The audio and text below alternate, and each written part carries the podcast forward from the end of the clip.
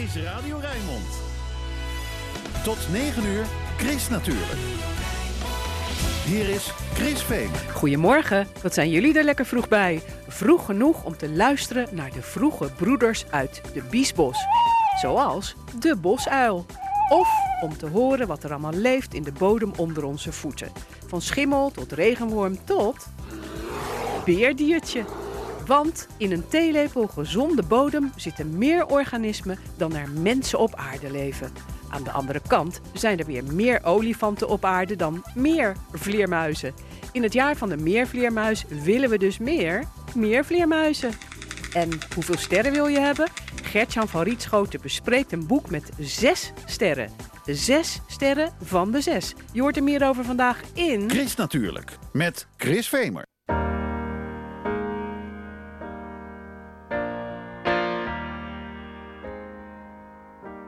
She can kill with a smile, she can wound with her eyes, and she can ruin your faith with her casual lies.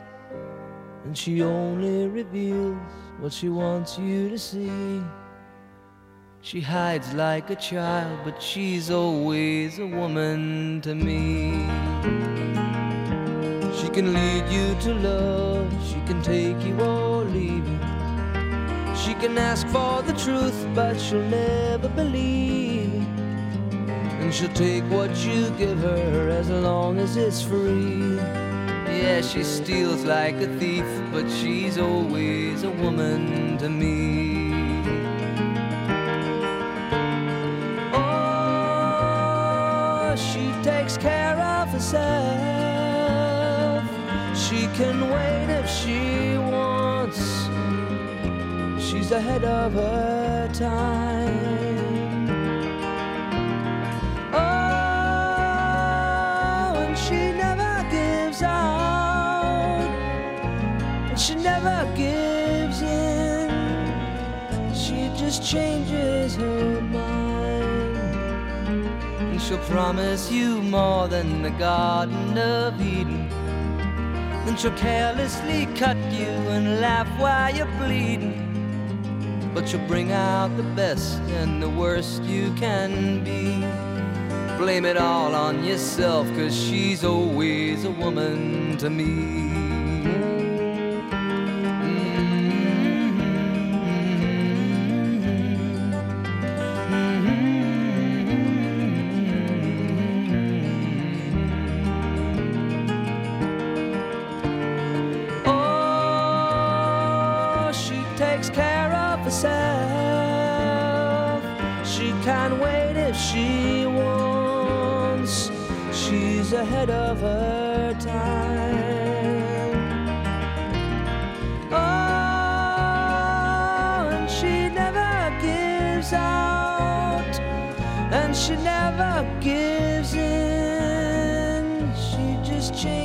Her mind. Frequently kind and she's suddenly cruel. But she can do as she pleases, she's nobody's fool. And she can't be convicted, she's earned her degree. And the most she will do is throw shadows at you, but she's always a woman to me.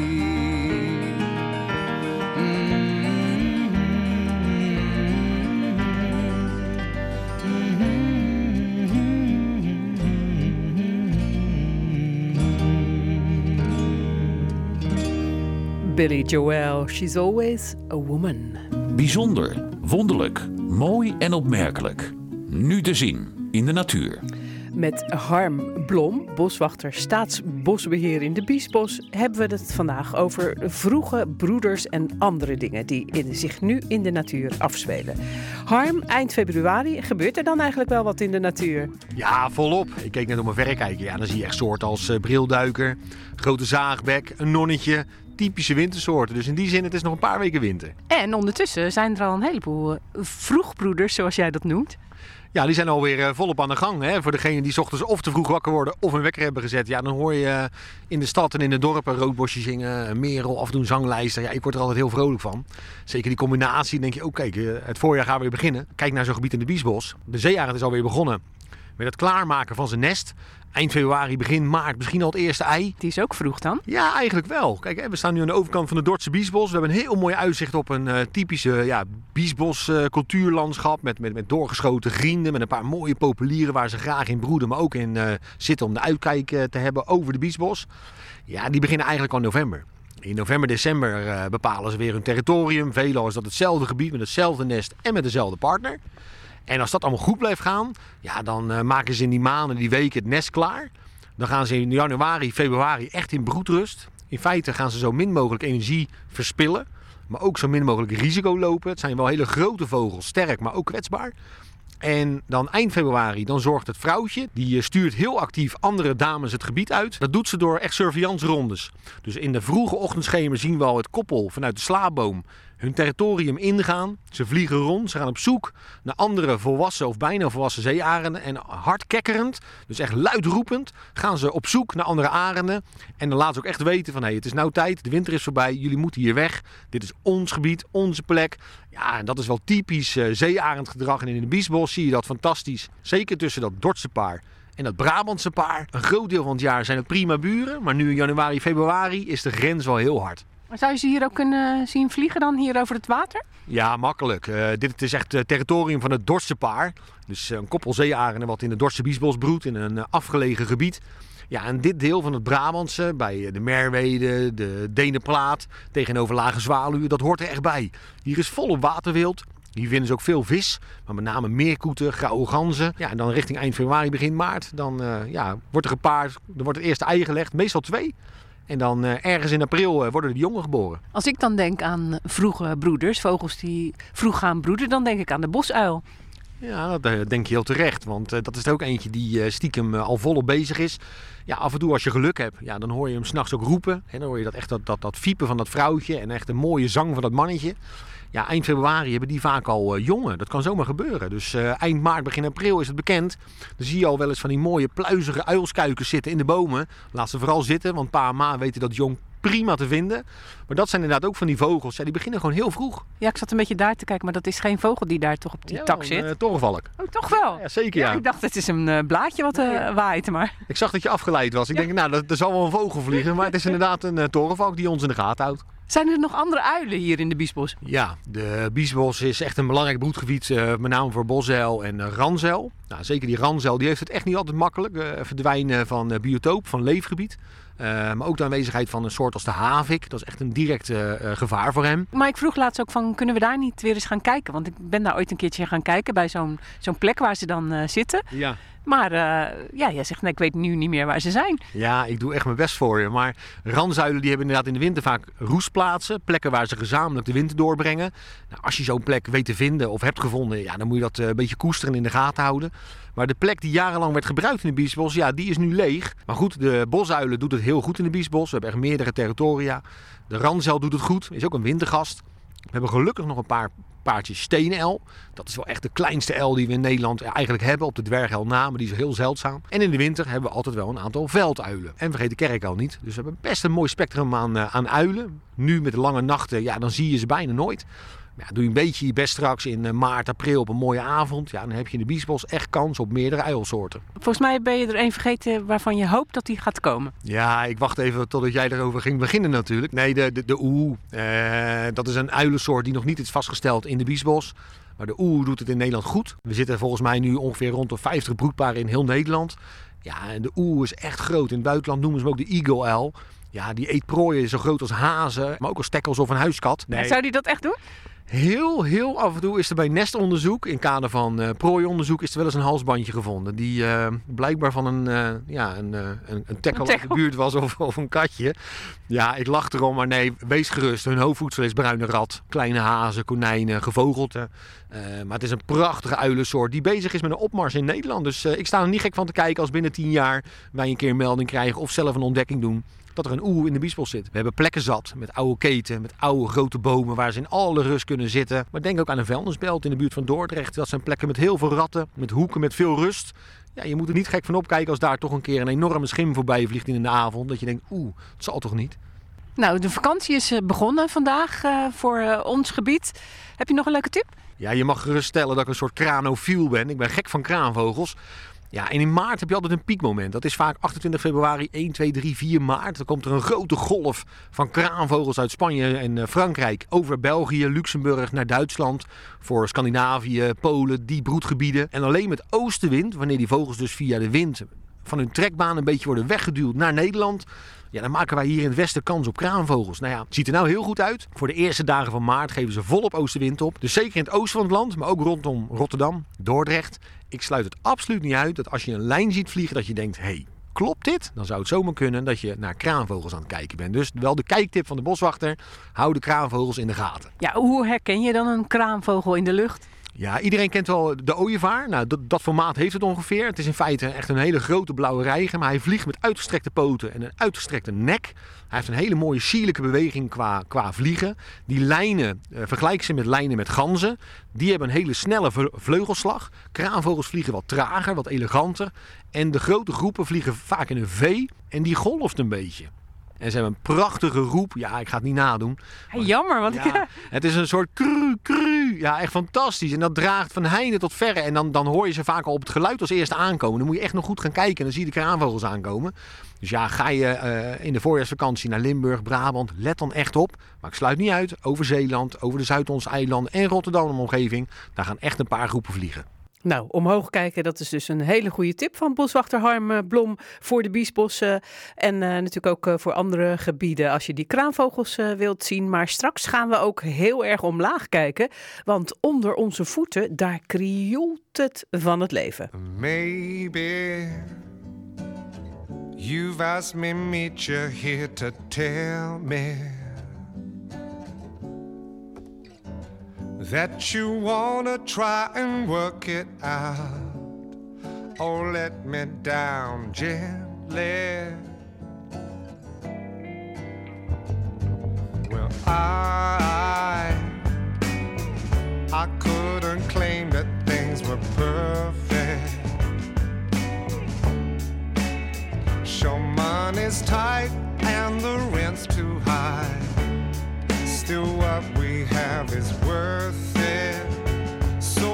sinking.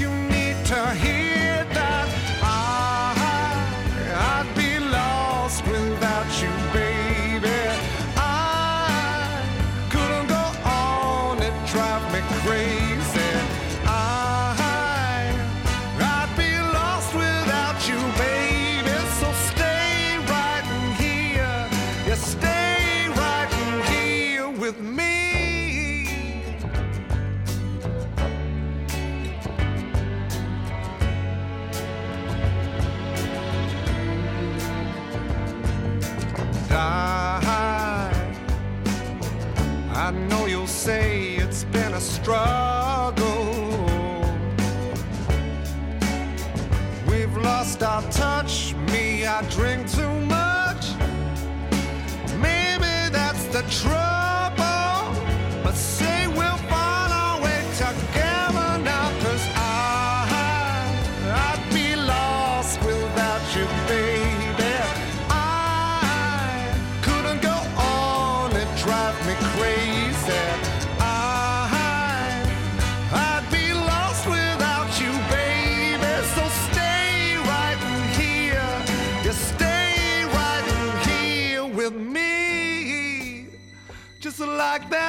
First night we met. 2 a.m. Gate, we jumped the fence. We were hiding out. We were playing around, laying down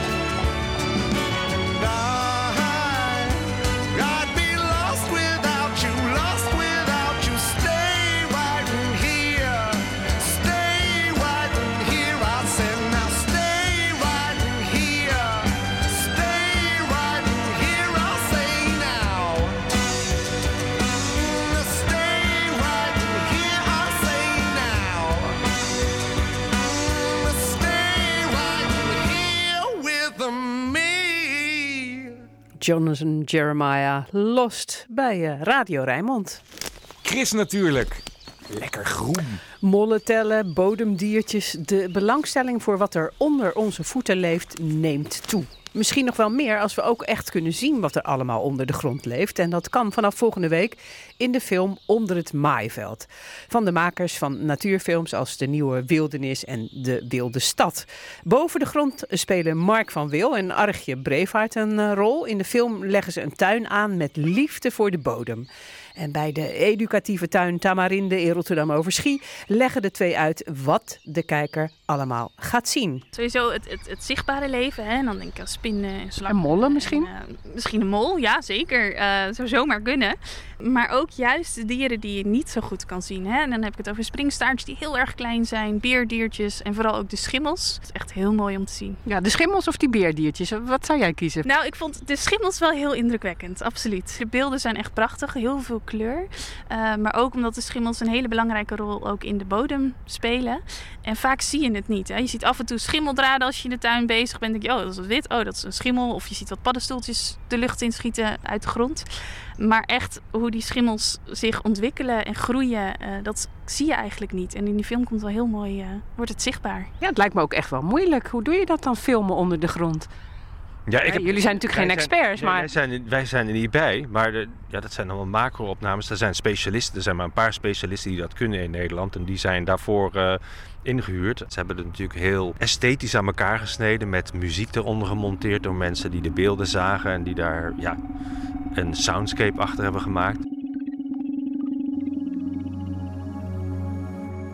Er is ook ergens een beeld te houden, is een soort van bodemmicro, uh, bodemmicrofoon in de bodem. Dan hoor je geluid.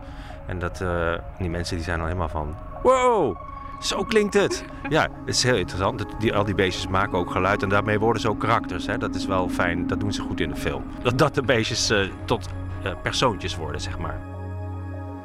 Waarom hebben wij nou hier afgesproken bij Tamarinde? Dat is dan een van de, ja, zoals het vroeger noemde, de schooltuinen. Hè? Maar nu is het uh, een tuin van Natuurstad. Ja, het is een educatieve tuin uh, van Stichting Natuurstad Rotterdam. En dit is een uh, schooltuin, inderdaad. We geven hier les aan kinderen.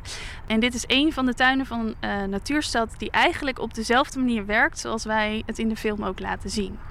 Um, dus de grond niet meer bewerken, maar eigenlijk een laag compost opbrengen. De grond zoveel mogelijk met rust laten en het bodemleven eigenlijk het werk laten doen. Die film is natuurlijk om een groot publiek een beetje te leren hoe het misschien ook anders kan. En dat leren jullie denk ik de kinderen hier ook. Ja, ik neem het zeker mee in uh, het verhaal uh, in mijn lessen. Van, hè, wat, wat meeste reactie van de kinderen is... Ah, een spin of ah, een regenworm, heel vies. Maar hoe meer je de kinderen uitlegt ook hoe belangrijk regenwormen zijn... en hoe belangrijk het is om hè, niet alles om te voelen... en dat je dan eigenlijk de leefomgeving van de dieren in de bodem verstoort. Hoe meer die verwondering gaat spelen... en wat ik merkte is dan aan het begin van het seizoen... als kinderen voor het eerst komen, is alles heel vies. En aan het eind dan verzamelen ze regenwormen en slakken... en van allerlei dieren met hun handen. En dan uh, duwen ze alles onder mijn neus van... kijk juf, moet u nou eens kijken. Ja, en dat is natuurlijk heel bijzonder.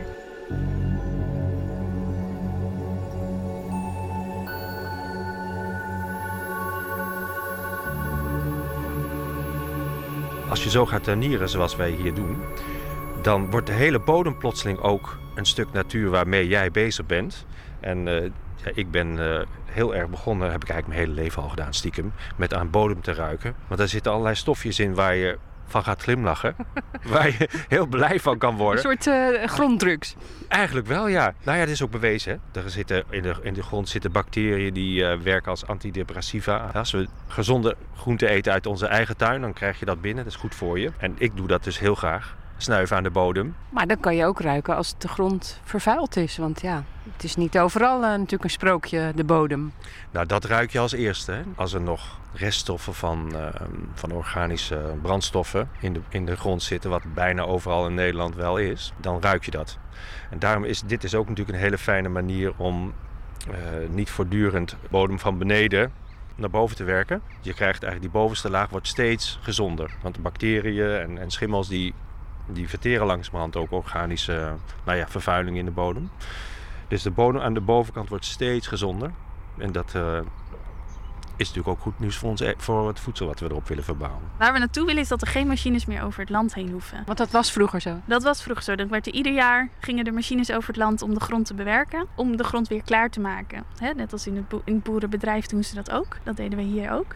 En eigenlijk, hè, het is een meerjaren onderzoek. Maar we hebben de eerste stap gezet om te kijken hoe we zorgvuldig ook met oog op de bodem eh, hier kunnen tuinieren met de kinderen. Kijk, die, dat spitten en, en de landsoberij, dat is een, een praktijk die we 100 jaar hebben kunnen fine-tunen. Dat werkt hartstikke goed.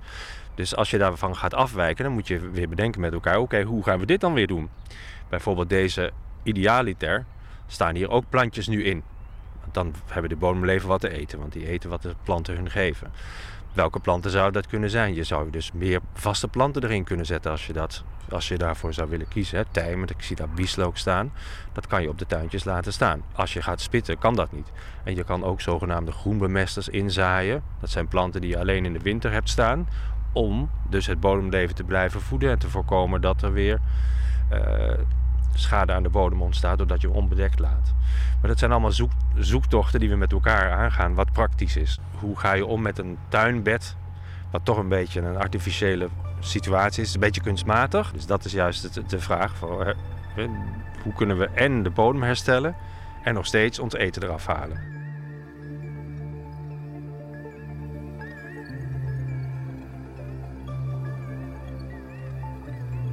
Ze hebben dan een soort trailer, hè? daar maken ze reclame voor de film. En dan zeggen ze in een eh, theelepeltje aarde zit. Oh ja, er zitten meer levende organismen dan er mensen op aarde wonen. Had jij een wow moment in de film? de worm in de grond en dat hij dan eitjes legt en dat er dan een wormpje uitkomt. Hè, je, we- je weet van die verhalen, je weet dat het zo werkt. Maar om dat echt op beeld te zien en dat het echt gebeurt, dat vond ik wel een heel mooi moment.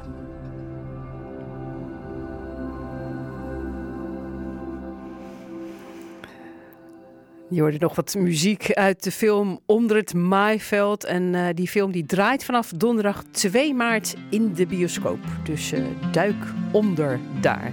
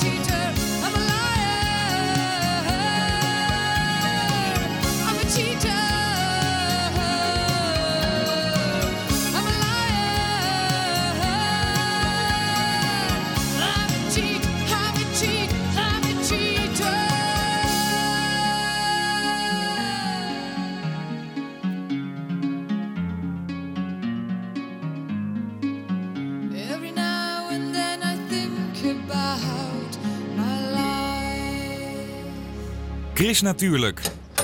De weekendbijlage. Wat staat er in de weekendkranten en ook online over groen, natuur en milieu? Je hoort het in het overzicht. Ik lees het samen met Bas van Halderen. Bas, goedemorgen. Goedemorgen, Chris. De oorlog in de Oekraïne is een ramp voor de natuur, lezen we in Trouw vandaag. In het land zelf zijn complete ecosystemen vernietigd. Maar de oorlog heeft ook gevolgen voor de natuur buiten Oekraïne. Dode dolfijnen op de stranden van Turkije en Roemenië. Minder trekvogels in de wetlands van Kashmir in India. En grootschalige luchtvervuiling. De camera's van Beleefde Lente gaan morgen weer aan. Met de webcams van Vogelbescherming Nederland kun je dan meekijken in de nesten van vogels. Ze zijn er nog lang niet allemaal. Maar de bosuil die zit al op haar eerste ei. En de zeearend maakt het nest klaar voor de start. Ja, leuk. Ik weet het nog dat het eerste ei eh, er lag vorige keer, eh, vorig jaar nog. Of dat er die geboorte was. Niet- Oh ja, leuk hè? Ja. leuk. Eh, bij bosbranden komt misschien meer CO2 vrij dan gedacht. Branden kunnen de klimaatverandering versnellen. Wetenschapper Dave van Wees onderzoekt hoeveel van die uitstoot weer wordt opgenomen. En de leest daarover in de Volkskrant.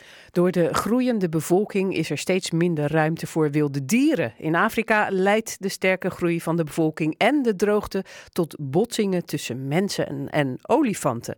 In trouw lees je hoe ze in Kenia proberen de dikhuiden op afstand te houden met bijen. Want daar Ah, zijn ze dus bang voor. Hm, spannend. Met het oog op de verkiezingen voor de Provinciale Staat en de waterschapsverkiezingen roept het Zuid-Hollands landschap alle politieke partijen op om natuur in de provincie voorop te stellen.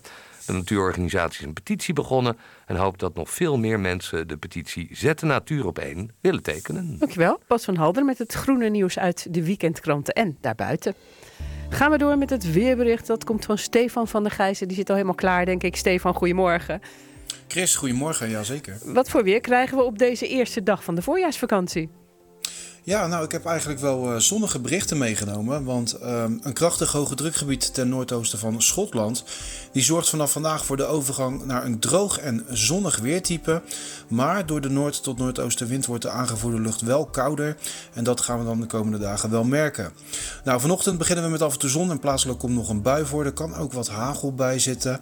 Gaandeweg de dag wordt de buienkans onderdrukt en dan wordt het vanuit het noorden overal droog. Ook zien we dan vanaf de middag vanuit het noorden steeds breder wordende opklaringen met meer zon. En zeker tegen de avond denk ik dat alle bewolking wel verdwenen is. Nou, zoals ik al zei is de aangevoerde lucht kouder met op dit moment een temperatuur van 4 graden. En vanmiddag komen we uit op maximaal 7 graden. Dat is iets onder de norm van een graad of 8. Ja, en bij een matige tot krachtige noord- tot noordoostenwind maakt het dat de gevoelstemperatuur zelfs nog een stuk lager ligt vanmiddag. Dat kan echt een aantal graden schelen. Dus eh, ja, geen lentegevoelens, hooguit van achter glas. Ja, en dan vanavond en vannacht is het zo goed als helder en blijft het droog. De noordoostenwind neemt flink eh, af en zeker landinwaarts staat er vannacht nog maar weinig wind. De temperatuur gaat flink onderuit. Het gaat min 1 graden lands, eh, landinwaarts vriezen tot zo'n plus 1 graden langs de kust, eh, Chris. Ja, nou, en die sprak al de hele tijd over schraal weer wat we gaan krijgen. Ja, dat klopt. Want ehm, ja, ook morgen ziet het weer er eigenlijk wel schitterend uit. Met veel zon blijft het droog.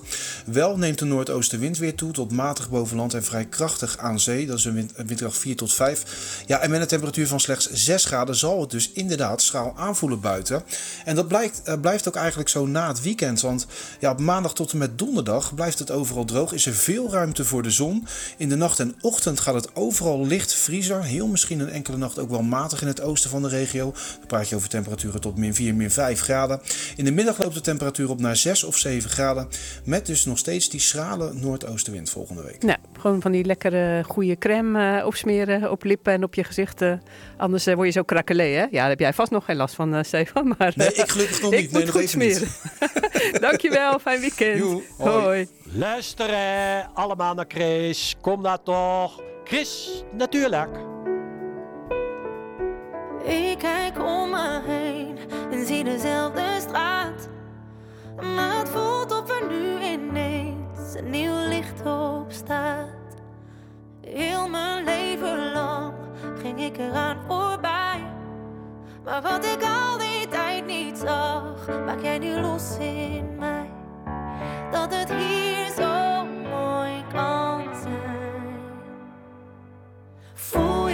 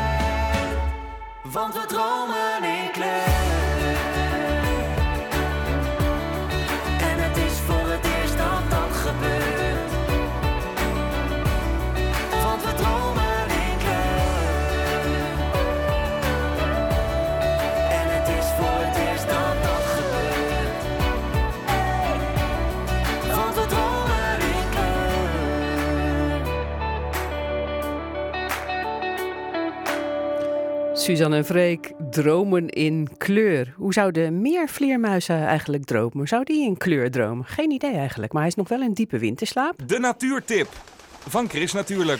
En hij is zoogdier van het jaar. Tot grote vreugde van ecologen van bureau Stadsnatuur Rotterdam ontdekten zij twee jaar geleden een kolonie meervleermuizen in een flat in Rotterdam-Zuidwijk in het Zuiderpark. Daar waren ze op jacht naar insecten en toen zijn ze die gevolgd en toen kwamen ze erachter dat hij dan daar zat. En eh, de ecologen hopen dat de leden van de enige kolonie meervleermuizen van Rotterdam zich in ieder geval ook dit jaar weer laten zien in Rotterdam-Zuid, want ze zijn erg zeldzaam. De zoogdiervereniging noemt de meervleermuis wel de grutto van de nacht. Nieuws de Zwarte, een van de ecologen van bureau Stadsnatuur Rotterdam, die vertelt waarom. Ja, hij werd inderdaad even de grutto van de nacht genoemd. eh, omdat hij zo eh, ja, wat zeldzaam is en eh, dat hij achteruit gaat. Maar ook omdat hij echt bij Nederland hoort. Het is echt, Nederland is een waterrijk land. En zo'n eh, meervleermuis, ja, die heeft donkere wateren nodig.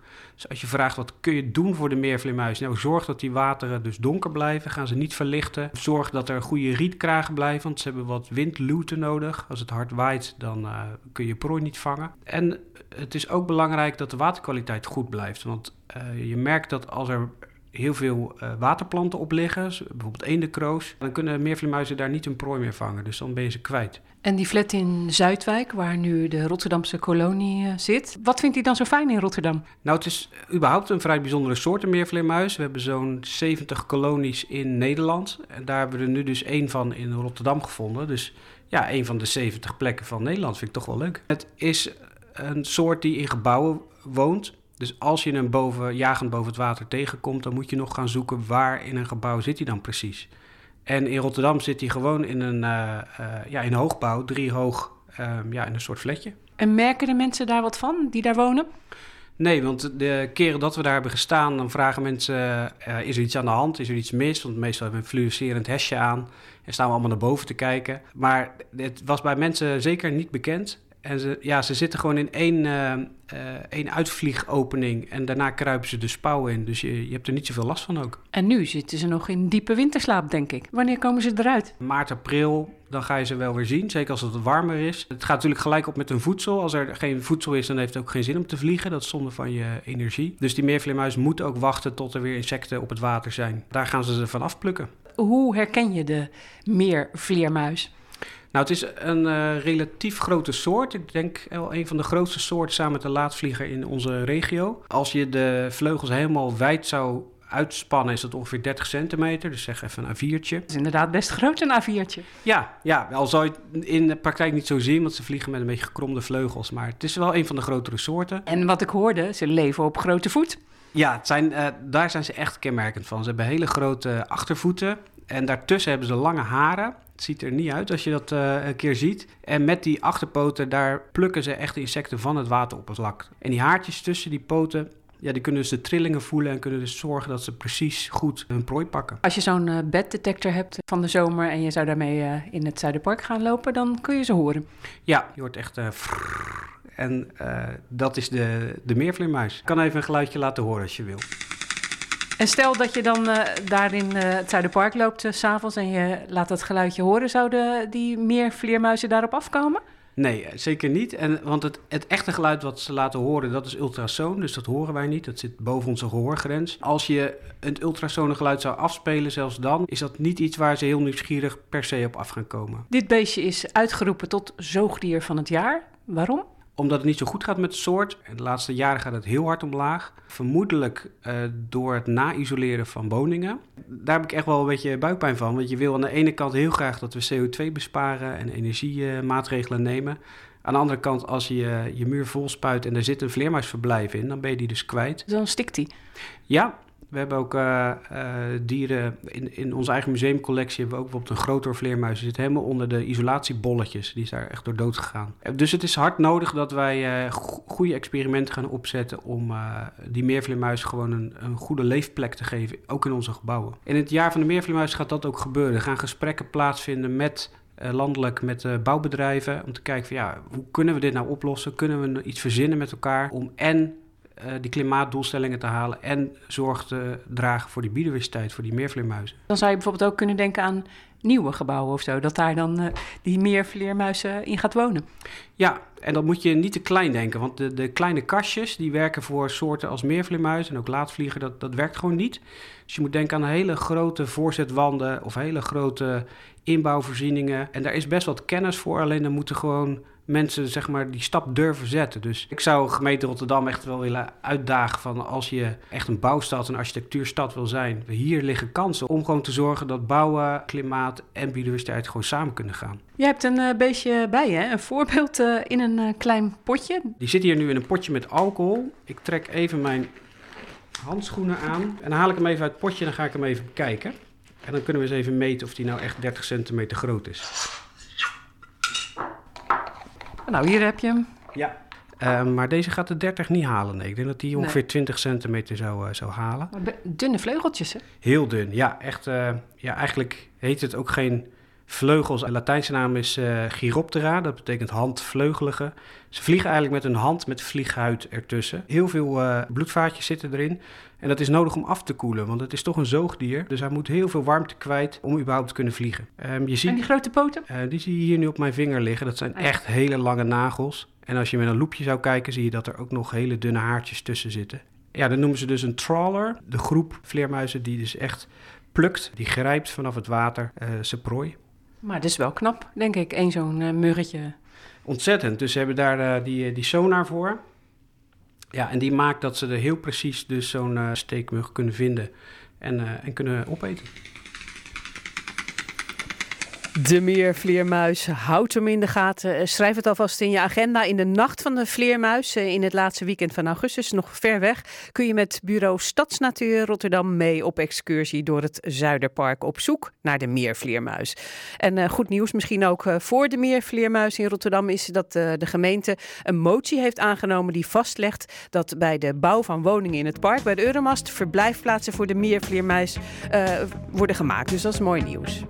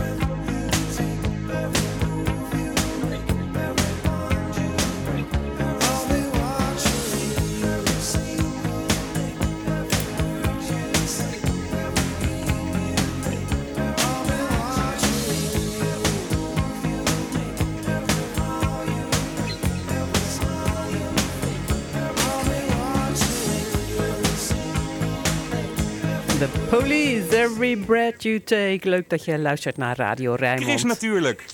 Lekker lezen. En lekker lezen doe je misschien straks wel in de spannende roman Het Kerkhof van de Zee. Maar die bewaart Gertjan voor het laatst. En dan krijgen we ook nog een eh, andere blik op Medusa. Was het wel zo'n verschrikkelijk monster? Maar Gertjan van Rietschoten van de boekhandel in Rotterdam-IJsselmonde. Die begint met twee Rotterdamse uitgaven. Gertjan, goedemorgen. Heel goedemorgen, dag Chris. Anne Vechter die was eh, tot januari eh, van dit jaar stadsdichter. En bij het einde van haar stadsdichterschap is een boekje uitgekomen. Dat heet Zamzam. Wat is dat voor boekje geworden, Gertjan? Ja, Zamzam is een, eh, een, een dichtbundel, zoals je al zei. Maar het is eigenlijk wel meer dan dat. Want, eh, het is eh, doorspekt met sowieso mooi andere kunstwerken, ook visueel.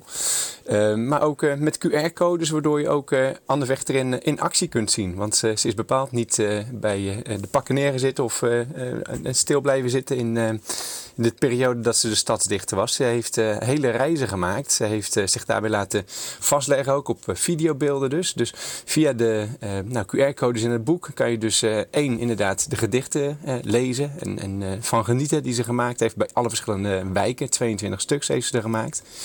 Ehm, maar kan je er dus ook in actie zien en, en dan zie je dus wat meer vertellen over die eh, eh, wijk waar ze geweest is eh, en, en zie je hoe ze daardoor door die stad heen loopt. Ehm, en bijvoorbeeld alle bibliotheek ook voorziet bijvoorbeeld van een, een, een gedeelte ook van een van die gedichten. Ehm, dus het is een, een, veel, een veelkleurig kunstwerkje geworden, vind ik zelf, van Anne. Ja, en jij hebt een voorbeeldje van zo'n gedicht, of tenminste van zo'n Ja. zinnetje, wat ergens in een bibliotheek in Feyenoord staat. Klopt. Op het Sanderlingenplein staat bij de bibliotheek... welk humeur heeft deze straat? En dat eh, vind ik wel een, een, een hele leuke, eh, ja, verrassende manier om, eh, om te kijken naar een straat natuurlijk. Een straat die een humeur heeft en die iets kan vinden. Eh, en dat is dus een gedeelte uit het gedicht wat ze voor Feyenoord gemaakt heeft inderdaad. Ja. Is, het- is het leuk om het even voor te dragen, dat gedicht? Ik wou net zeggen, heb je er tijd voor? Ja, lijkt me het is niet zo lang. Doe ik, heel graag. Welk humeur heeft deze straat?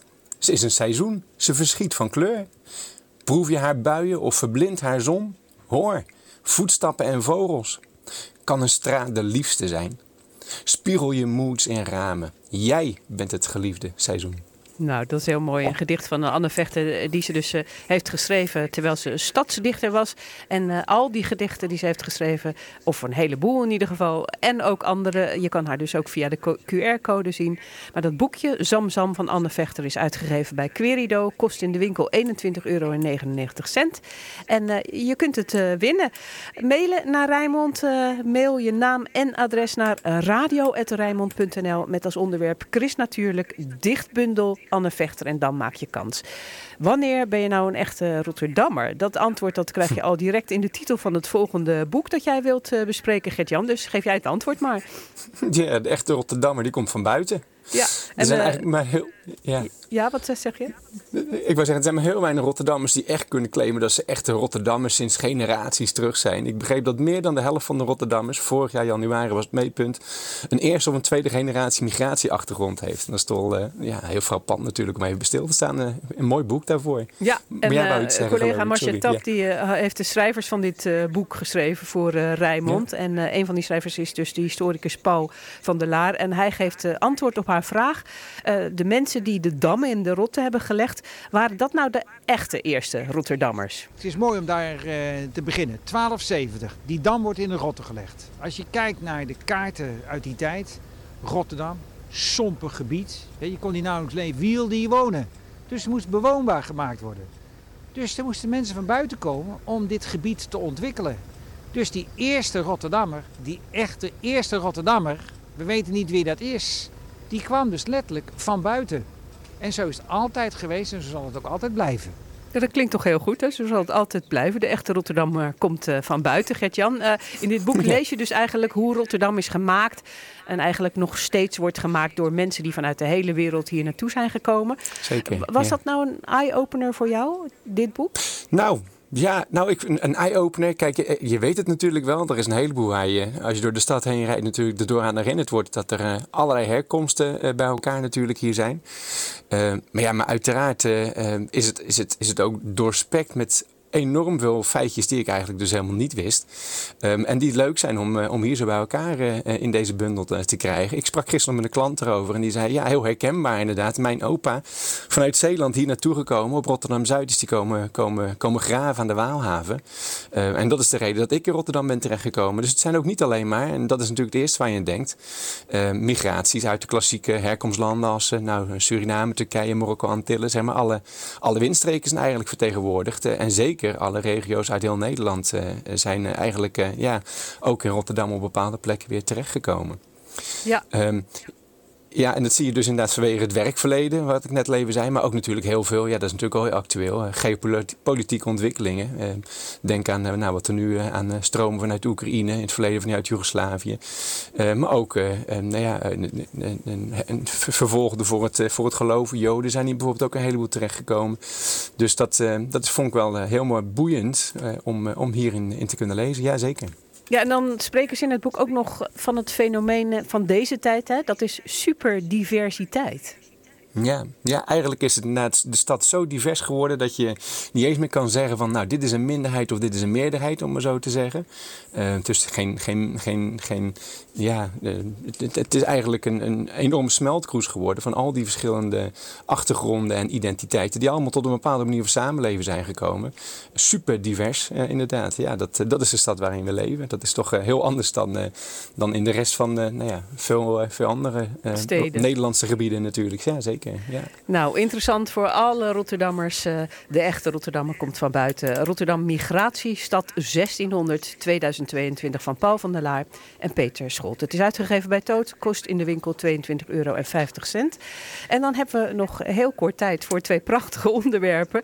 Uh, zoals uh, Medusa, hè, dat is zo'n vrouwelijk monster uit de Griekse mythologie. Oh, monster, zei je dat? Eigenlijk mag je haar helemaal niet zien als, als een oh. monster. Sure. Het was eigenlijk... Nee, ik vind het heel lief. Nee, ik vind Jij het, vindt ik haar heel gewoon lief. te doen met ja, maar je moet ja. niet naar de kijken, want dan word je versteend. Nee, dat, nee, maar ja, hoe komt dat? Omdat ze vervloekt werd door een of andere nou ja, uh, Griekse god die er inderdaad uh, machtswellusteling bleek te zijn. Omdat er inderdaad sprake was van een, nou ja, ontering, een verkrachting in een, uh, in een tempel. ja, waar zij natuurlijk zelf helemaal niks kan doen. Het was een, een echt, een, een inderdaad wel een, een, een, zus van, van twee, als je het mag zeggen, monsters. Die inderdaad er een nieuwe afzichtelijk uitzagen, maar die ook in hun hartje hartstikke lief waren. Dat blijkt wel hoe ze, hoe ze passen op de, de schapen en hoe ze uh, geven om, om een kleine zusje Medusa.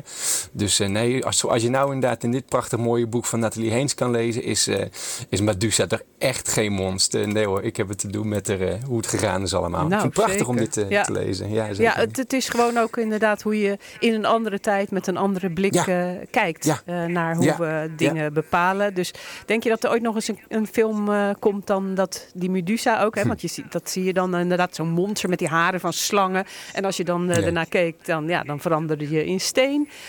Denk je dat dat ook nog een ander verhaal wordt een keer? Nou, het zou inderdaad voor mij prima mogen in ieder geval. Ja, ja zeker. Dat uh, zou, ze wel, uh, zou ze wel verdienen, vind ik dan eigenlijk. Maar anders in ieder geval het boek lezen. Want het, het leest als een tierenlier met een heleboel uh, hoofdpersonen die je kent natuurlijk. Maar op zo'n verrassende manier geschreven, zoals je al zegt. Het is, het is meeslepend, heel gaaf. De blik van Medusa van Natalie Heens, uitgegeven bij Meulenhof. 22,99 euro betaal je daarvoor. En dan heb je nog heel erg veel tijd. Nou, nee, juist niet. maar voor een boek dat wel heel veel sterren kreeg. Namelijk 6 van de 6. Wat is dat Ja. voor boek, Gert-Jan? Ja, dat is ook wel een bijzonder. Aslak Noren, een, uh, een Noor dus, die uh, een, een familiesage heeft geschreven eigenlijk. Ik moest erbij uh, bedenken aan Zafon met inderdaad allerlei familiegeheimen die in verborgen boeken zijn opgesloten. maar dan wel heel eigentijds. het speelt zich voor een groot gedeelte in Noorwegen af, in een hele goede maatschappij daar. Mensen die veel geld hebben en grote erfenis hebben te verdelen. Maar wat ja, helemaal doorspekt is dan ook door familiegeheimen, waardoor je teruggevoerd wordt naar de, de Tweede Wereldoorlog. Want, ja, want, dan gaat het wel over iets wat echt gebeurd Ja, is. precies. En dat, dat Ja. een, een verhaal van een gezonken schip. Gebaseerd op een waar gebeurde geschiedenis. Ja, het verhaal gaat dat hij op een bom is gevaren. Een Britse bom met eh, aan boord veel Noren, maar ook Duitsers. Um, ja, en uiteraard een tragedie met honderden doden. Uh, maar ja, was het wel echt een bom? Maar was het wel echt inderdaad zoals het daar in de archieven en in de geschiedenisboeken terechtgekomen is, een ongeluk? Um, of gaat daar, en ja, dat ben ik toch eigenlijk bang dat je daar wel inderdaad eerst het boek voor moet lezen. En ja, iets heel anders aan de, aan, aan de hand. Um, en, en, en ja, het leest dus inderdaad... het is echt een thriller. Ik moest omdenken. Ja, ja, thriller is het zeker ook. Ja, absoluut. En een mooie roman, gewoon. Episch verhaal. Ja. Zou jij het echt wel zes uh, sterren geven? Zes sterren, ja, ik ben niet zo van de sterren, per se, moet ik eerlijk zeggen. Maar het is, ja, de, hier, hier, geniet je wel van in ieder geval, dus dat moet je zeker, de, zeker lezen. Het Kerkhof van de Zee van Aslak Noren, uitgegeven bij HarperCollins. Het kost 23,99 euro en ik zou zeggen keuze volop als je deze voorjaarsvakantie nog een boek wilt lezen. Gert-Jan, namens alle luisteraars bedank ik je weer voor de mooie boeken die je besproken hebt. En dan horen we je weer op uh, 11 maart, hè? Want dan is het Boekenweek. Zeker, ja. Bij de Boekenweek. Heel graag. Dankjewel. Tot dan. Fijn weekend. Dit was Chris Natuurlijk, een programma van Chris Vemer, Bas van Halderen en Rob van der Meer. Die werkte mee. Volgende week dan duikt Chris Natuurlijk in de wereld van de illegale dierenhandel. En voor nu een fijn weekend. Veel plezier ook met de programma's van Radio Rijnmond. Zoals straks van 9 tot 12 de Rijnmond Blues. Chris Natuurlijk. Kijk ook op chrisnatuurlijk.nl